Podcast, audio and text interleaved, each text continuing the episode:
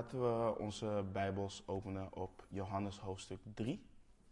Ehm, zondags bestuderen we vers voor vers het Evangelie volgens Johannes.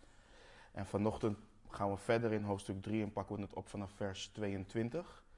Als er mensen zijn die een leenbijbel nodig hebben, steek je hand op en eh, we zullen je voorzien van een leenbijbel. En als er mensen zijn die notities willen maken, hebben we ook een notitieblok. Ehm, Johannes 3, van vers 22 tot en met 36. We maken hem vandaag af. 15 versen vanochtend. Laten we de tekst lezen, bidden en ontdekken wat uh, de Heer ons vandaag wilt leren. Dus Johannes 3 vanaf vers 22. Daarna ging Jezus met zijn discipelen naar het Judese land en verbleef daar met hen en doopte. Maar ook Johannes doopte in Enon bij Salim, omdat daar veel water was. En de mensen kwamen daar en werden gedoopt want Johannes was nog niet in de gevangenis geworpen. Er stond dan een woordenstrijd vanuit de discipelen van Johannes met de Joden over de reiniging. En zij gingen naar Johannes en zeiden, en zeiden tegen hem: Rabbi, hij die bij u was aan de overkant van de Jordaan, van wie u getuigenis gaf, zie, hij doopt en allen komen bij hem. Johannes antwoordde en zei: Een mens kan niets aannemen als het hem niet uit de hemel gegeven is. U bent zelf mijn getuigen dat ik gezegd heb: Ik ben de Christus niet, maar ik ben voor hem, uit, voor hem heen uitgezonden. Wie de bruid heeft, is de bruidegom. Maar de bruid van de bruidegom die erbij, maar de vriend van de bruidegom die erbij staat en hem hoort, verblijdt zich over de stem van de bruidegom. Deze blijdschap van mij nu is volkomen geworden. Hij moet meer worden, maar ik minder. Wie van boven komt, is boven allen. Wie uit de aarde is, is uit de aarde en spreekt uit de aarde. En wie uit de hemel komt, is boven allen. En wat hij gezien en gehoord heeft, dat getuigt hij. En zijn getuigenis neemt niemand aan. En wie zijn getuigenis aangenomen heeft, die heeft daarmee bezegeld dat God waarachtig is. Want hij die God gezonden heeft, spreekt de woorden van God, want God geeft hem de geest zonder maat. En de Vader heeft de Zoon lief en heeft alle dingen in zijn hand gegeven. Wie in de Zoon gelooft, heeft eeuwig leven. Maar wie de zoon ongehoorzaam is, zal het leven niet zien, maar de toorn van God blijft op hem. Laten we bidden. Heere God, we komen vandaag voor uw troon uit de genade die u heeft gegeven, Heer. En we zijn u dankbaar voor dit stuk tekst wat we vandaag gaan behandelen. We staan hier voor ontzag voor u. En we zijn u dankbaar, Heer, dat we de Bijbel, uw woord, mogen bestuderen. Dat we van u mogen ontvangen. En we bidden en we vragen u ook om in ons midden te zijn, om ons te onderwijzen om ons um, ontzag voor u te verhogen. Om ons um, ja, te doen groeien in aanbidding in onze persoonlijke relatie met u. En uh, we, vragen dus over een, we vragen om een zegen over de dienst. We vragen om een zegen over de kinderen bij de crash, de zondagschool. Wees daar met hen. En um, ja, laat ze ook, hoe klein ze ook zijn, kennis met u maken. En uh, ook genieten van u daar. We bidden, danken en uh, verwachten alles van u in Jezus' naam. Amen. Vorige week hebben we een begin gemaakt aan hoofdstuk 3. En hebben we als het ware toeschouwers mogen zijn van een prachtig dialoog tussen de Heer Jezus en de Fariseer Nicodemus. En we weten dus dat Nicodemus een leider van de Joden was. En wat impliceert dat hij ook lid was van de Sanhedrin. En deze 70 mannen waren de leiders van het volk Israël. En Nicodemus kwam in de nacht naar Jezus en getuigde dat hij weet dat de Heer als leraar van God gekomen was want niemand kon de tekenen doen die Jezus deed. En Jezus reageerde met, met eigenlijk keiharde woorden die van levensbelang waren voor Nicodemus en ook voor ons vandaag de dag. En de Heere zei in versen 3 en 5 dat als een persoon niet opnieuw geboren wordt, hij of zij het koninkrijk van God niet kan zien. Dus iemand moet uit water en geest geboren zijn. Dus iemand moet van boven uit God geboren worden om het koninkrijk van God binnen te kunnen gaan. En Nicodemus was verbaasd over deze woorden, verwonderd. En hij vroeg aan de Heer Jezus, hoe kunnen deze dingen gebeuren? En Jezus reageerde, bent u de leraar van Israël? Weet u deze dingen niet? Dus een leider, de leider van Israël, wist de ABC's van God niet. Dus we hebben geleerd dat de zoon des mensen verhoogd moest worden, opdat ieder die in hem gelooft niet verloren gaat, maar eeuwig leven heeft. En we hebben geleerd dat dit allemaal ging en moest gebeuren omdat God de wereld zo lief heeft gehad dat hij zijn enige geboren zoon gegeven heeft, opdat ieder die in hem gelooft niet verloren gaat, maar eeuwig leven heeft. En we hebben ook geleerd en stilgestaan bij waarom men niet tot wedergeboorte komt. En dat is omdat men het licht haat en het duisternis lief heeft. En dat is dus ook waarom men niet tot God wil komen.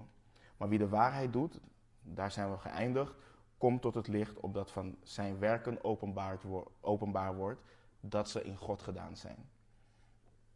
En vandaag en nu beginnen we dus en lezen we dat de Heer Jezus met zijn discipelen naar het Judese land ging en daar met hen verbleef en doopte. Nou, eigenlijk was hij al in het Judese land, maar we leren eigenlijk dat hij verder het land echt inging. En vers 22 van dit hoofdstuk moeten we koppelen aan Johannes 4:2, waar duidelijk wordt gemaakt dat het de Heer Jezus zelf niet doopte, maar dat zijn discipelen doopten. En zo zien we ook dat hè, wat wij in de naam van Jezus doen, dat dat eigenlijk ook direct gekoppeld wordt aan dat de Heer dat doet. Mits het natuurlijk ook overeen, in overeenstemming is met zijn wil en met wie de Heer Jezus zelf is. Maar vervolgens lezen we in vers 23 dat Johannes, en we hebben het weer hier over Johannes de Doper, waar we in hoofdstuk 1 kennis mee hebben gemaakt, ook doopte. En Johannes doopte in Enon bij Salim en we lezen dat daar veel water was.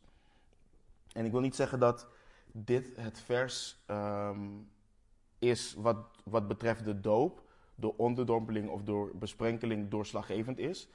Maar als de doop door besprenkeling nodig was, of als dat het was, dan was veel water in zekere zin niet nodig. En daarnaast was het volgens Joodse traditie als iemand gedoopt werd, en dit gebeurde dus alleen bij heidenen die zich wilden ehm, keren tot het Jodendom, tot de God van de Bijbel, als ze ervoor kozen om hun afgoden achter te laten, dat ze in het midden van het water moesten gaan staan en zich en volledig onder water gingen. Dus, dat, dus de doop was al iets bekend en het gebeurde dus ook door middel van onderdompeling en niet door middel van besprenkeling. Maar er kwamen dus nog steeds mensen naar Johannes de Doper om gedoopt te worden, want Johannes was nog niet in de gevangenis gegooid. En vanaf hoofdstuk 5 in dit evangelie wordt er naar Johannes um, in de verleden tijd gerefereerd. Dus in Johannes 5:35 bijvoorbeeld lezen we de woorden van de Heer Jezus over Johannes. Hij was de brandende en lichtgevende lamp en u hebt u, en u hebt u voor een korte tijd in zijn licht willen verheugen. En we weten niet, hier niet zeker of hij al onthoofd is, maar de conclusie kan gemaakt worden dat zijn bediening in ieder geval op dit punt tot een einde was gekomen. In Matthäus 14 kunnen we lezen hoe de bediening van Johannes de Doper tot een einde kwam, of tot een einde is gekomen. Johannes had zich uitgesproken tegen Herodias Antipas, de zoon van Herodes de Grote, die verantwoordelijk ook was voor de kindermoord toen Jezus geboren was. En hij sprak zich uit over het feit dat Herodes de vrouw van zijn broer Filippus als zijn vrouw genomen had. En Herodes wilde hem niet doden, want hij was bevreesd voor de menigte, omdat ze Johannes de Doper ook als een profeet van God zagen. En in Marcus 6 lezen we zelfs dat Herodes wist dat Johannes de Doper een heilig en rechtvaardig man was. Nou, uiteindelijk, toen de verjaardag van Herodes gevierd werd, danste de dochter van Herodias, dus de vrouw van uh, Herodes, in hun midden en zij behaagde Herodes. En hij beloofde haar dat ze haar, dat ze, wat, ze maar, wat ze maar zou vragen, dat hij het haar zou geven of dat hij dat voor haar zou doen. En door haar moeder geleid vroeg ze om het hoofd van Johannes de Doper. En Herodes was hierover bedroefd, maar omwille van zijn eed liet hij Johannes de Doper onthoofden. En dit is dus ook de manier waarop hij stierf. Even een, een, een side note. Uh, Jehovah, Jehovah's getuigen die gebruiken dit verhaal onder andere om geen verjaardagen te vieren. Uh, twee keer komt er een verjaardag voor in de Bijbel. En op beide verjaardagen ging er iemand dood. En het, het, het andere verhaal lezen we in Genesis 40, waar de farao jarig is en ehm, het, het, hoofd van de bakker wordt afgehakt en opgehangen.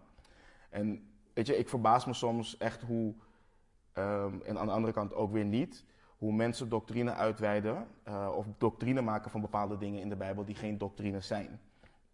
En het is niet iets om, over, uh, om lang over uit te wijden, maar soms worden mensen door dit, door dit soort dingen een juk opgelegd um, die de Heer Jezus ons niet oplegt. Dus als je je verjaardag wil vieren, ga je gang. Als je het niet wil vieren, ook prima. Maar dat even terzijde. Als we versen 25 en 26 pakken, er ontstond dan een woordenstrijd vanuit de discipelen van Johannes met de Joden over de reiniging. En zij gingen naar Johannes en zeiden tegen hem: Rabbi, hij die bij u was aan de overkant van de Jordaan, van wie u getuigenis gaf, zie, hij doopt en allen komen bij hem. Dus we zien dat er een woordenstrijd ontstaat tussen de discipelen van Johannes de Doper en religieuze leiders. En op basis van vers 26 zien we dat dit te maken heeft met het feit dat de bediening van de Heer Jezus toenam en de bediening van Johannes de Doper waarschijnlijk ook afnam. Er gingen nog wel mensen naar hem toe om gedoopt te worden. Maar we lezen in Johannes 4:1 ook dat de Fariseeën hoorden dat de Heer Jezus meer discipelen maakte en doopte dan Johannes de Doper. Dus het kan zo zijn dat het ging over, oké, wiens doop is belangrijker, wiens doop was significanter.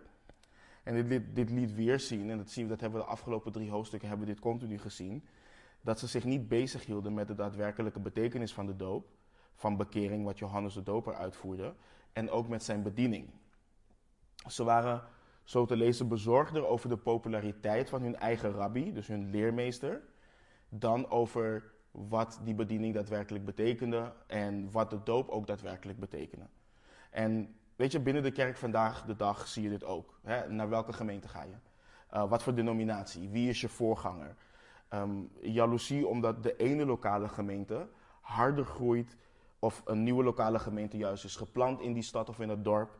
En niet essentiële zaken um, essentieel maken en concurreren met elkaar. Terwijl als het goed is, we hetzelfde willen bereiken. Als het goed is, we dezelfde God dienen. En weet je, tegenwoordig hebben lokale kerken zichzelf allemaal specifieke bedieningen gegeven of toegeëigend. De ene richt zich volledig op bevrijding. De andere richt zich weer volledig op het in de gaten houden en het ontmaskeren van valse leraren. En de andere die richt zich weer op evangelisatie en de andere weer op muziek en geestelijke strijd en noem maar op. Maar de kerk, het lichaam van Christus, heeft een opdracht gekregen van Jezus Christus. Dat staat in Matthäus 28, dat geldt voor elke gemeente. Ga dan heen, onderwijs al de volken, hen dopend in de naam van de Vader en van de Zoon en van de Heilige Geest, hun lerend alles wat ik u geboden heb in acht te nemen. Dit is waar wij ons als dienaren van Jezus Christus mee bezig horen te houden. Dit is wat onze bediening inhoudt.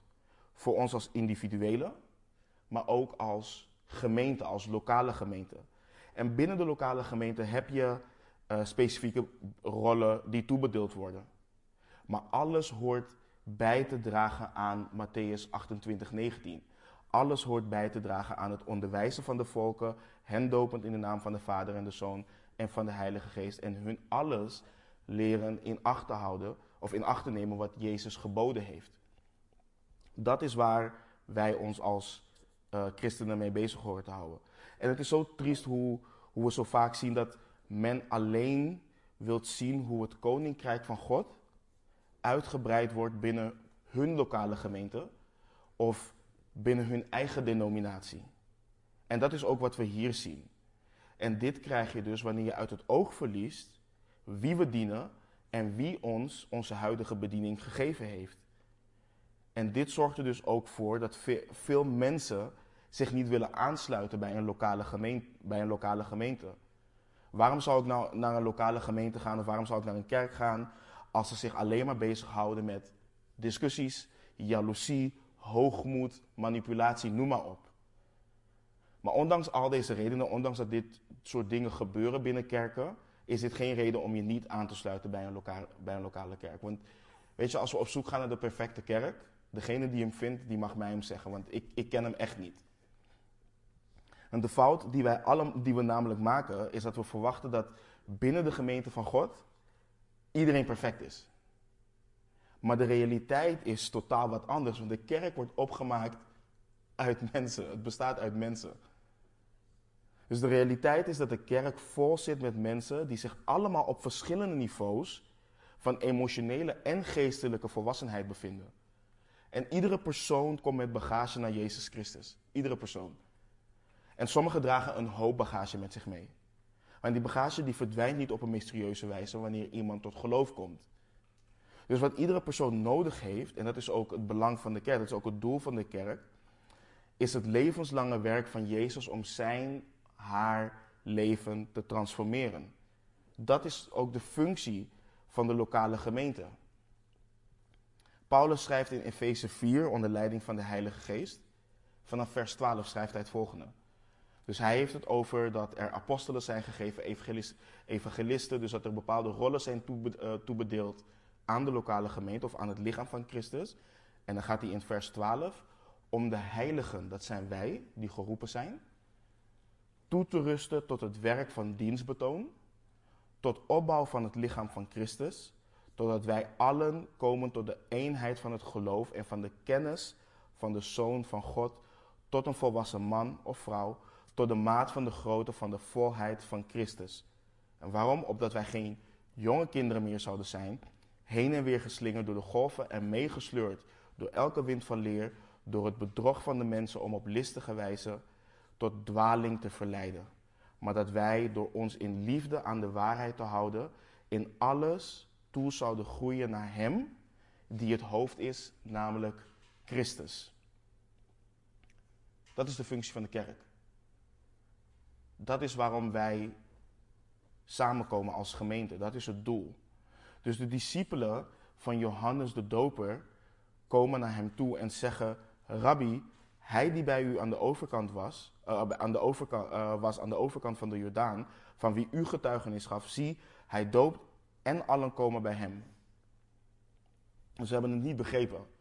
En het antwoord van Johannes de Doper is een antwoord dat ons heel veel kan leren. En het, en het hoort uh, een houding van nederigheid bij een ieder van ons als christenen op te roepen. Johannes zegt, Johannes antwoordde en zei: Een mens kan niets aannemen als het hem niet uit de hemel gegeven is. U bent zelf mijn getuigen dat ik gezegd heb, dat ik gezegd heb: Ik ben de Christus niet, maar ik ben voor hem heen uitgezonden. Wie de bruid heeft, is de bruidegom. Maar de vriend van de bruidegom die erbij staat en hem hoort, verblijdt zich zeer over de stem van de bruidegom. Deze blijdschap van mij nu is volkomen geworden. Hij moet meer worden, maar ik minder. Weet je, dit laat nederigheid zien vanuit Johannes. En het laat ook zien dat Johannes de Doper zijn bediening begreep en erkende. Hij wist wat zijn rol was. Johannes laat zien dat hij geen aanspraak kan doen op iets wat hem niet is gegeven. Hij herinnert ze eraan wat we hebben gelezen in Johannes hoofdstuk 1. In hoofdstuk 1, vers 23. Hij zei, Johannes de Doper, ik ben de stem van iemand die roept in de woestijn. Maak de weg van de Heere recht, zoals Jesaja de profeet gesproken heeft. Dus Johannes had maar één taak. Dat was de weg van de Heere recht maken. Hij was slechts een stem. Dus Jezus Christus was en is het woord en Johannes de Doper de stem die het woord aan ons kenbaar maakt. En Johannes de Doper was gezonden door God en had zijn bediening ook van God ontvangen. Hij kon niets toe-eigenen wat hem niet was gegeven. Hij was niet de Christus, hij was niet de Messias. Hij is niet gestuurd om een menigte achter hem te krijgen of achter zich te krijgen. Hij was voor de Messias uitgezonden om de weg voor hem te banen, om mensen op hem te wijzen. Dus hij herinnert zich eraan, eraan aan het getuigenis toen de Joodse leiders en priesters en levieten naar hem toestuurden. Hij zei tegen hen, ik ben de Christus niet.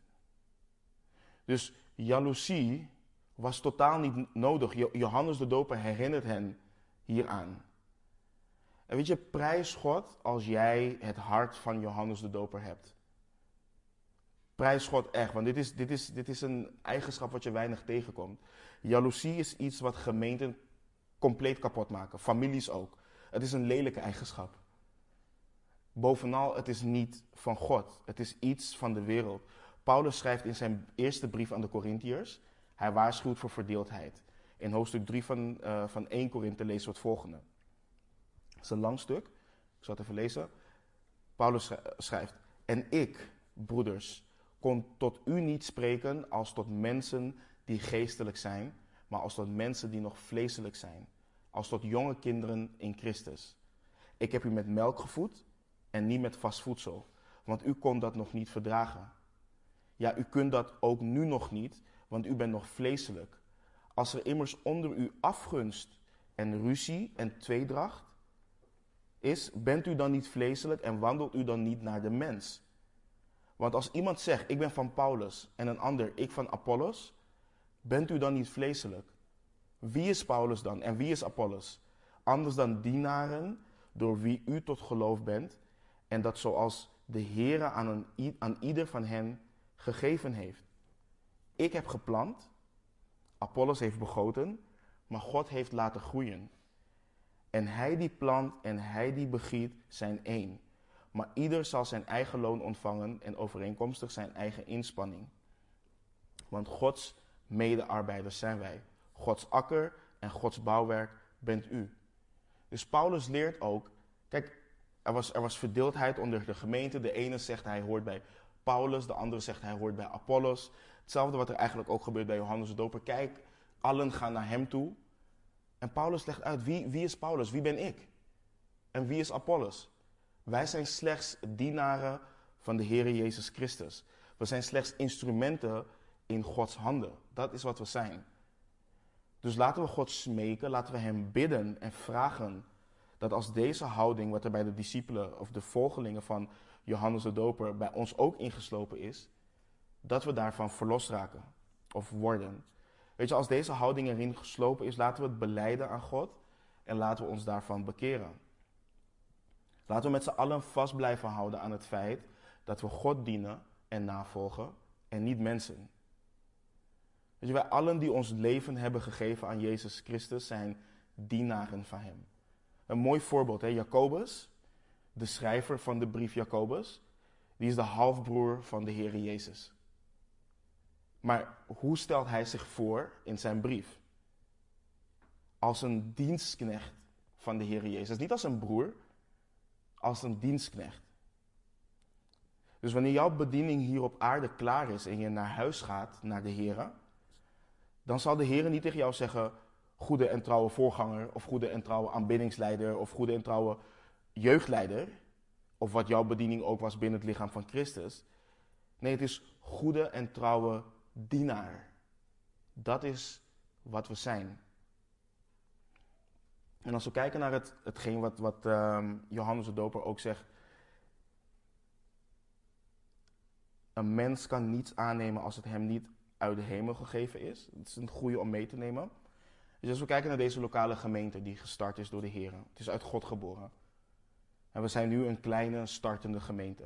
En misschien zijn we over 2, 3, 4, 5 jaar nog steeds klein. We weten het niet. Misschien zijn we groter. Hopelijk zijn we tegen die tijd opgenomen en zijn we al bij de Heer. Maar stel, we zijn er nog tegen die tijd. Um, dan moeten we onszelf behoeden voor de fout die heel veel, heel veel mensen maken. En ik heb dit vaker gehoord en ik heb het ook meegemaakt. Weet je, mensen kunnen vaak tot het volgende komen. Als jullie kerk echt door God gegeven is en gestart is, waarom zijn jullie na zo'n lange tijd nog steeds een kleine gemeente? Dat hoor je vaak. Ik heb het zelfs in Haarlemmermeer gehoord. Dus als jullie kerk echt door God gegeven is en gestart, waarom zijn jullie na zoveel jaar nog steeds zo'n kleine kerk? En het antwoord van Johannes de Doper is hierop van toepassing. Een mens kan niets aannemen als het hem niet uit de hemel gegeven is. Het aantal mensen die zich hier thuis voelen, of zullen thuis voelen, of in welke gemeente dan ook, wordt door God in de hemel gegeven. We hebben daar geen programma's voor nodig. We verzinnen daar geen programma's voor. We zijn bezig met het werk van de Heer en Hij zal geven wie en wat Hij wilt geven. En weet je, het, het draait niet om wat ik wil, maar in zekere zin ben ik blijer met een kleine groep uit de hemel gegeven met vuur en passie voor de Heer. Die heel veel impact maakt in de wereld voor de Heer. Dan een megachurch waar 400, 500, 600 mensen komen. Die lauw en koud zijn. En alleen op zondag tijdens de eredienst christen zijn en God aanbidden.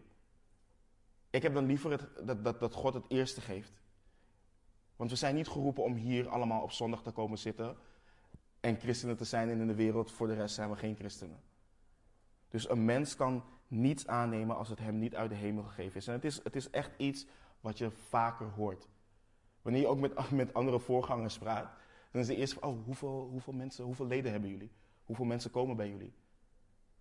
En toen, ik, en toen we nog naar Haarlemmermeer gingen, ja, volgens mij, ik weet niet, 40, 50. Oh, en hoe lang bestaat de kerk dan? 10, 11 jaar? Oh, dat is wel heel klein. Hoe kan dat nog? Nee, dat, dat maakt helemaal niet uit. Het gaat niet om de nummers of om de cijfers. Het gaat erom dat mensen, die, dat mensen gevoed worden met het woord van God en in de wereld impact kunnen maken voor zijn koninkrijk. Dat is waar het om draait. En Johannes de Doper gaat verder met een mooie analogie in vers 29. Wie de bruid heeft, is de bruidegom. Maar de vriend van de bruidegom die erbij staat en hem hoort, verblijdt zich zeer over de stem van de bruidegom. Deze blijdschap van mij nu is volkomen geworden. Hij moet meer worden, maar ik minder. Weet je, bij een Joodse bruiloft tegenwoordig hebben we dat ook, maar had, had de bruidegom een getuigen. En tijdens de bruiloft, anders dan vandaag de dag, had de getuigen slechts één taak: het dienen van de bruidegom. Dat was de taak, de taak die een, een, een, een getuige had. En de getuige was blij wanneer alles goed gegaan was. Wanneer hij de lach van de bruidegom zag, uh, op zijn gezicht zag en de conclusie kon trekken dat hij een tevreden man was. Dus alle ogen waren tijdens de bruiloft op de bruid en de bruidegom gericht. Weet je, het zal wat zijn als tijdens de bruiloft de getuige met zo'n lang gezicht, met een boos en jaloers gezicht zou staan, omdat hij de bruid niet heeft of omdat alle aandacht naar de bruid en de bruidegom gaan. Johannes zegt, ik heb de bruid niet. Weten jullie nog het lam van God dat de zonde van de wereld wegneemt, wat die, die ik jullie heb gepresenteerd? Hij is de bruidegom. Hij heeft de bruid. En ik ben blij, want het is de bedoeling dat allen naar hem gaan en niet naar mij. Hij zegt dus ook, hij moet meer worden, maar ik minder. Mijn bediening komt tot een einde. Mijn blijdschap is volkomen. Volkomen. Wat een nederige houding van Johannes de Doper. En de vraag aan ieder van ons hier vanochtend. Ben je blij en tevreden met de roeping, de bediening die je hebt? Als je een roeping of als je een bediening hebt.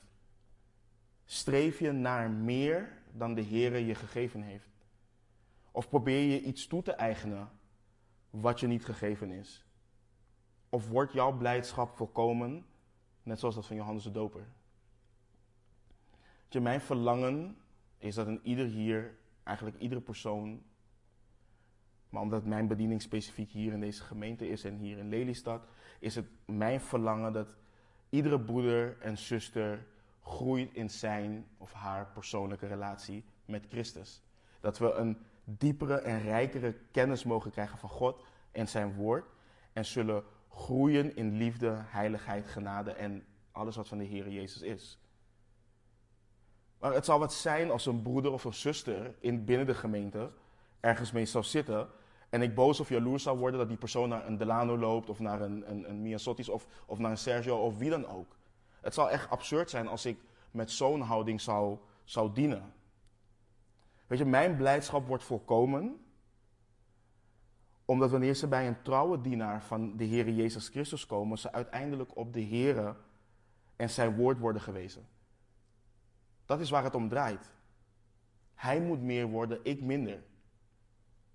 Je, wil, je, je, je moet niet willen, je wilt niet dat men afhankelijk wordt van jou als dienaar van Christus. Dat men continu alleen van jou afhankelijk is. Dat, dat wil je echt niet.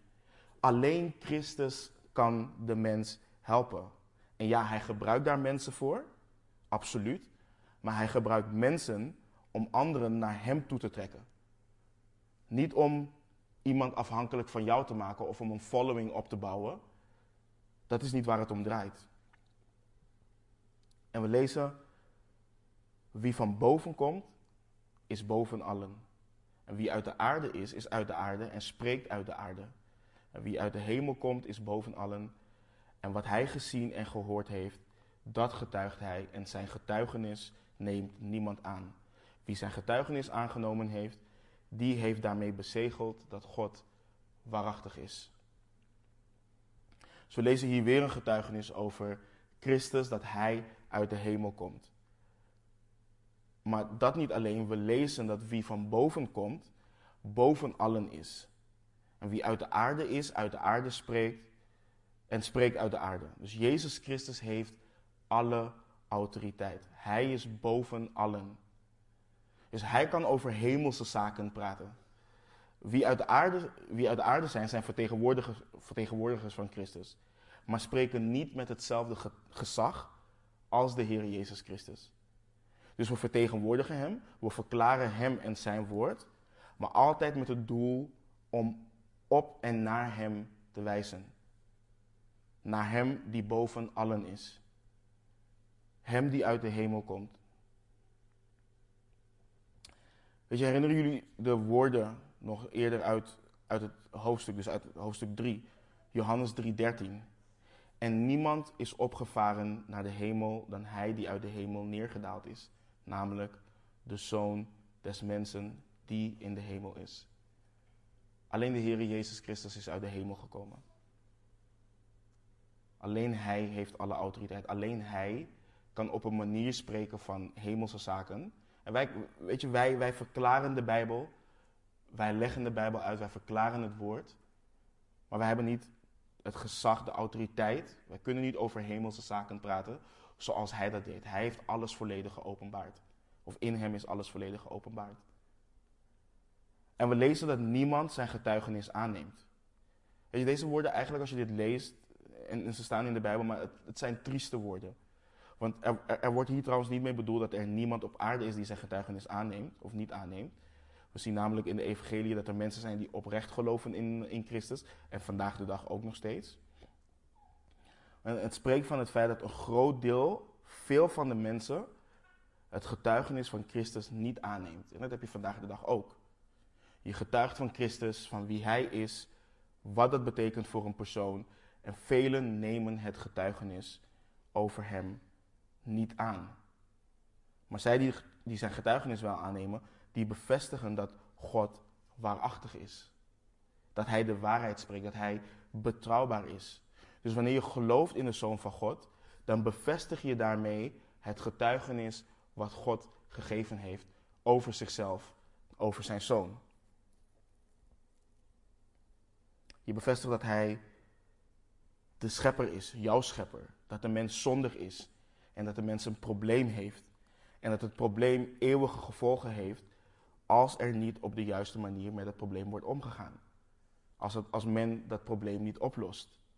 Dat Jezus de Christus is, uit de hemel is neergedaald en zijn creatie is ingestapt om de mens te verlossen van dat probleem. Weet je, wanneer, wanneer je in Jezus gelooft, is het niet alsof je iets nieuws hebt ontdekt. Dat je iets hebt ontdekt wat mensen niet kennen of wat, weet je, dat jij een diamant hebt ontdekt wat totaal onbekend was. Je bevestigt daarmee dat wat de perfecte getuigen van God, God de Zoon, getuigt waar is. Weet je, vaak kan het over, overkomen alsof het christendom waar is, omdat wij het geloven. Maar het is waar omdat God waarachtig is. Daarom geloven wij zijn getuigenis. En door te geloven bevestigen we dat het waar is. En de mensen die het getuigenis niet geloven, daarvan schrijft de apostel Johannes in zijn eerste brief ook, in 1 Johannes. Wie, niet gelooft, wie God niet gelooft, heeft hem tot een leugenaar gemaakt. Omdat hij niet geloofd heeft het getuigenis dat God van zijn zoon getuigd heeft. Dus we bevestigen door te geloven dat God waarachtig is. En wanneer we dat niet doen, wanneer we het verwerpen, dan zeggen we eigenlijk daarmee, of dan zegt een persoon daarmee, nee, dat wat God zegt, dat wat hij heeft geopenbaard in zijn Bijbel, door, door zijn volgelingen heen, nee, dat is niet waar. Dus, dus daarmee maken ze God een leugenaar. En we gaan verder, want hij die God gezonden heeft, spreekt de woorden van God. Want God geeft hem de geest zonder maat. De Vader heeft de Zoon lief en heeft alle dingen in zijn hand gegeven. En wie in de Zoon gelooft, heeft eeuwig leven. Maar wie de Zoon ongehoorzaam is, zal het leven niet zien, maar de toorn van God blijft op hem. In dit evangelie lezen we continu dat Jezus door God gezonden is. En dat wordt hier dus ook weer bevestigd. Jezus komt van God. Hij is God in het vlees. Hij spreekt de woorden van God. Dus Jezus is niet zomaar een profeet, zoals Johannes de Doper of de profeten uit het Oude Testament dat waren. In het Oude Testament zie je dat Gods geest namelijk tijdelijk rustte op de boodschappers die hij stuurde. Dus ze kregen wijsheid en kracht om het werk te doen waartoe God ze geroepen had. Maar ze kregen de geest in de mate waarin ze het nodig hadden om hetgeen te doen waartoe ze geroepen waren. Dat was het. Maar in Johannes 1 lezen we in het getuigenis van Johannes de Doper dat de geest op Jezus bleef. Gods geest zonder mate aan Christus gegeven. Weet je, laat dit niet zien hoe groot Christus is. Hoe groot, weet je, hoe waarachtig zijn getuigenis wel niet is. En de Vader heeft de Zoon lief en heeft alle dingen, alle dingen in zijn hand gegeven. Dus weer lezen we in de getuigenis van Jezus Christus als de Zoon van God. De Vader heeft de Zoon lief. Hij heeft hem onvoorwaardelijk lief. Dat is ook het woord wat wordt gebruikt in de grondtekst voor agape, onvoorwaardelijk liefhebben. En dit manifesteert zich hier in het feit dat de Vader de Zoon alle dingen heen in zijn handen gegeven heeft. Dus onze Heer Jezus Christus heeft alle macht van de Vader gekregen. Alles is hem in zijn handen gegeven. En daarmee, wie in de Zoon gelooft, heeft eeuwig leven. Maar wie de Zoon ongehoorzaam is, zal het leven niet zien. Maar de toorn van God blijft op, blijft op hem. Vorige week hebben we stilgestaan bij het onderwerp dat je opnieuw geboren moet worden. Ieder mens. De persoon die in Jezus gelooft, die, die, die wordt opnieuw geboren, ontvangt vergeving voor zonde en ontvangt eeuwig leven. We lezen, wie in de Zoon gelooft, heeft eeuwig leven, maar wie de Zoon ongehoorzaam is, zal het leven niet zien. Maar de toorn van God blijft op, op hem. Wanneer we anno 2019 over de toorn van God spreken of prediken, dan ben je anno 2019 een doemprediker. Dat is hoe mensen je bestempelen.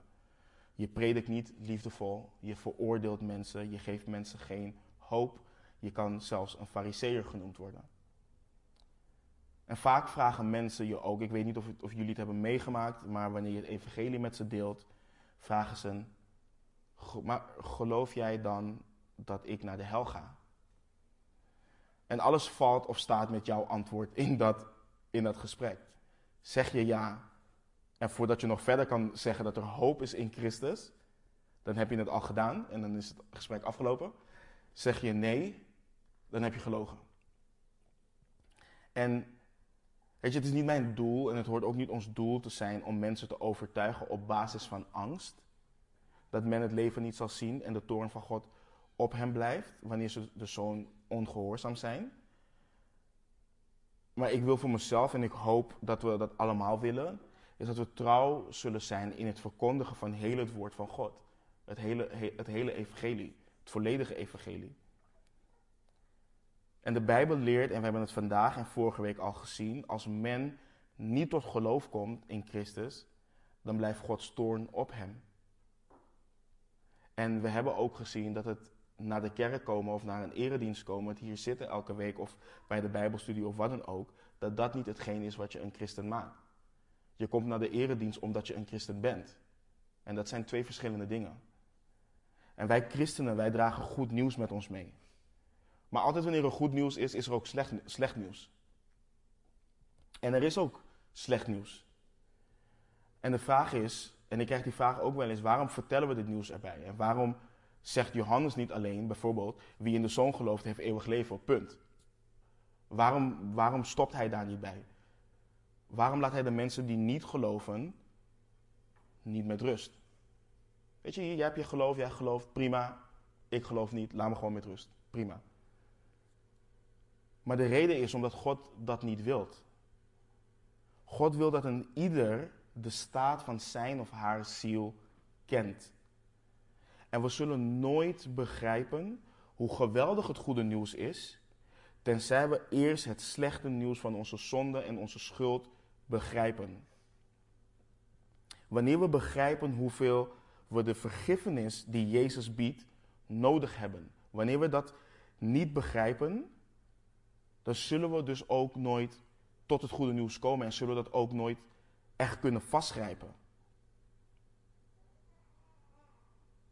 We zullen nooit zien hoe genade God is en hoe bijzonder het is dat er maar één manier is om door Jezus niet meer onder Gods toorn te staan. De Bijbel leert dat het Gods wil is dat allen tot bekering komen. Dat niemand verloren gaat. Dat leren we bijvoorbeeld in, in 2 Petrus 3, vers 9. Maar waarom wilt God dat? Waarom zouden mensen überhaupt verloren gaan? Waarom hangt Gods toorn boven mensen? En weet je, in zekere zin kennen we dit allemaal, wat ik nu ga vertellen, maar het is belangrijk om het te blijven horen, om het ons eigen te maken en om het ook aan anderen te kunnen vertellen. Want de vraag waarom hangt God, Gods toorn boven mensen is een belangrijke vraag. Het is een belangrijke vraag die beantwoord moet worden. En als we dan helemaal teruggaan naar het begin, waar de eerste woorden in de Bijbel mee openen, in het begin schiep God de hemel en de aarde. En het goede nieuws begint met God.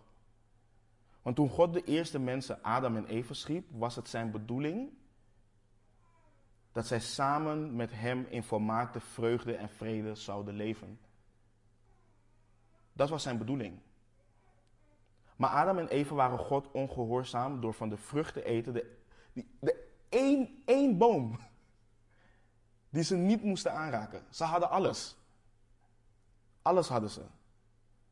Maar ze waren ongehoorzaam door van de vrucht te eten die, die God hen verboden had. En Adam en Eva hadden gezondigd tegen God en er kwam een breuk in hun relatie. En het ding is dat Adam en Eva niet de enige mensen zijn die schuldig zijn aan zonde. De Bijbel leert dat allen hebben gezondigd en de heerlijkheid van God missen. Ook jij en ik hebben tegen God gezondigd. En misschien denk je, ja, maar wanneer of hoe dan? Ik ben als christen opgevoed of ik ben, weet je wel, nee, ik, ben, ik was gewoon goed. Voordat ik tot Christus kwam, was ik ook al goed. En dan heb je, heb je een paar simpele controlevragen. Heb je ooit gelogen? Dan ben je een leugenaar. En dan ben je daarmee een zondaar. En ik heb, ik heb veel gelogen in mijn leven, dus ik was ook een zondaar. Heb je ooit Gods naam op een oneerbiedige manier gebruikt? Oh my god. Of GVD, wat heel veel mensen zeggen op de werkvloer. Dan ben je een godslasteraar en daarmee ook een zondaar. Heb je ooit iets meegenomen of gepakt wat niet van jou is? Al is een pen. Al print je, al print je iets op het werk uh, om het thuis te gebruiken. Het, is, het papier is van, van, van, van jouw werkgever. En wist je dat je dat bijvoorbeeld niet mocht pakken? Hoe klein het ook, dan ook is. Dan ben je een dief en daarmee een zondaar.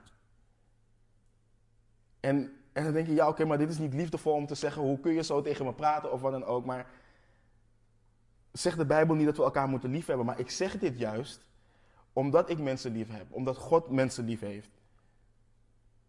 Iedere persoon die Jezus heeft aangenomen, was, was op dit punt ooit. En sommige mensen misschien nog steeds. En moet je je daarvan bekeren. En het ding is ook dat, en dat is ook goed voor ons om als christenen te beseffen is wij die Christus hebben aangenomen, zijn niet beter dan iemand die Christus niet heeft aangenomen. We erkennen simpelweg dat er niets goeds in ons is en weten dat we Jezus nodig hebben. Dat is het verschil. We zijn niet beter.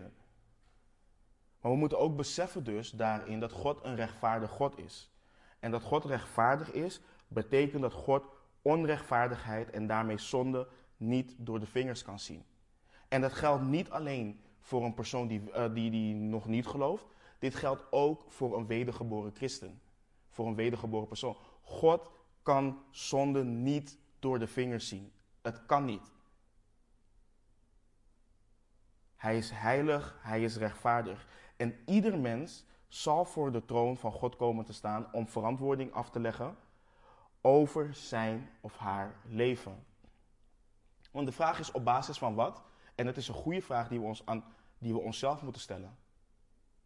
Op basis van wat zou God ons de hemel in moeten laten? Omdat we een goed mens zijn? Ah, ik heb net vastgesteld dat ik een leugenaar, een dief en een godslasteraar was. Dus op basis van wat zou God mij de hemel in moeten laten? En de woorden van de apostel Paulus leren dat loon van de zonde de dood is. En dat is niet alleen de fysieke dood, want iedereen gaat dood. Iedereen sterft een dag. Maar ook de eeuwige geestelijke dood. En dit betekent dat wanneer je lichamelijk sterft, jouw ziel voor altijd van God gescheiden zal zijn. En de uiteindelijke bestemming van ongelovige zondaars is volgens de Bijbel de hel. En ik zou hier kunnen stoppen en een persoon in een staat van wanhoop kunnen laten. Maar zoals ik eerder zei, God heeft de mens lief. En het verhaal stopt dus niet daar. Want de Bijbel leert dat God geen vreugde vindt in de dood van de goddeloze, maar daarin, dus hij vindt vreugde daarin dat de goddeloze zich bekeert van zijn weg en leeft. Dat is waar God vreugde in vindt. Dus er is goed nieuws. Goed nieuws voor ieder mens. Want God kwam naar aarde en dat hebben we de afgelopen drie hoofdstukken hebben we dat behandeld. En we zullen dat de rest van het boek zullen dat blijven behandelen. Maar God kwam naar aarde als, als de mens Jezus Christus. En hij leefde een volmaakt leven voor jou en voor mij, maar werd onschuldig veroordeeld en gekruisigd door de Romeinen. En besef, besef wat dat betekent, dat God, dat Jezus een volmaakt leven leidde. Ik ken geen mens op aarde wat geen één keer heeft gelogen, dus wat nooit gelogen heeft, nooit gestolen, nooit geroddeld heeft, nooit overspel heeft gepleegd. Of Jezus heeft niks gedaan, niks van die dingen wat ieder mens een zondaar maakt. Dus dat hoort ons ontzag onze aanbidding naar Hem hoort dat te verhogen. Geen ene zonde. Toen Jezus aan het kruis stierf, viel het gewicht van al onze zonden op zijn schouders. Alles wat wij verkeerd hebben gedaan. Alles wat we verkeerd zullen doen. Dus het doodvonnis dat God had uitgesproken, uh, uitgesproken tegen rebellerende zondaar sloeg toe. Toen hij daar aan het kruis stierf. Voor jou, voor mij. En het ding is, gelukkig eindigt het verhaal ook niet bij de dood van Christus. Want de Bijbel leert ons dat hij op de derde dag opstond en aan de rechterhand van de Vader zit. Hij pleit daar voor ons. En nu is de vraag: wil en of ben jij gered van het rechtvaardig oordeel van God? Hangt Gods toorn nog boven jou of heb je 100% zekerheid? Nee, ik geloof in de zoon des mensen. Ik geloof in het lam wat geslacht is voor mij en ik volg hem na en niet mezelf. De enige oplossing is om je te bekeren en te geloven in Jezus voor de vergeving van jouw zonde. Weet je, ehm, toen ik nog jonger, jonger was. Ehm, en ook nog, ehm, ja, gewoon een beetje dom was.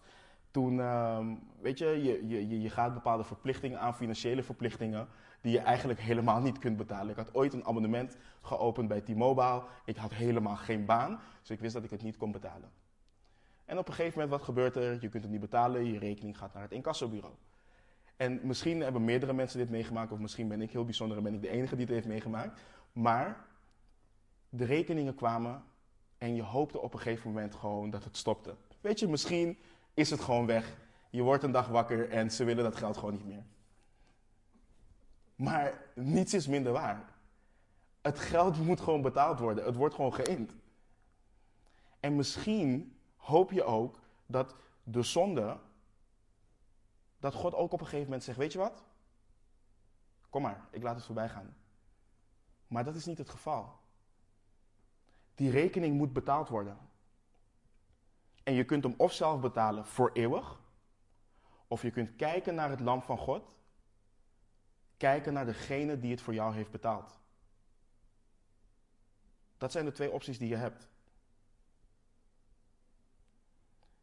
Je zal opnieuw geboren moeten worden. En dat is ook wat we dit hoofdstuk hebben geleerd. Je moet opnieuw geboren worden, wil je dat Gods toorn niet boven jou blijft hangen. Wil jij weer een relatie met God hebben, dan moet je opnieuw geboren worden. Geloven in de Zoon des Mensen.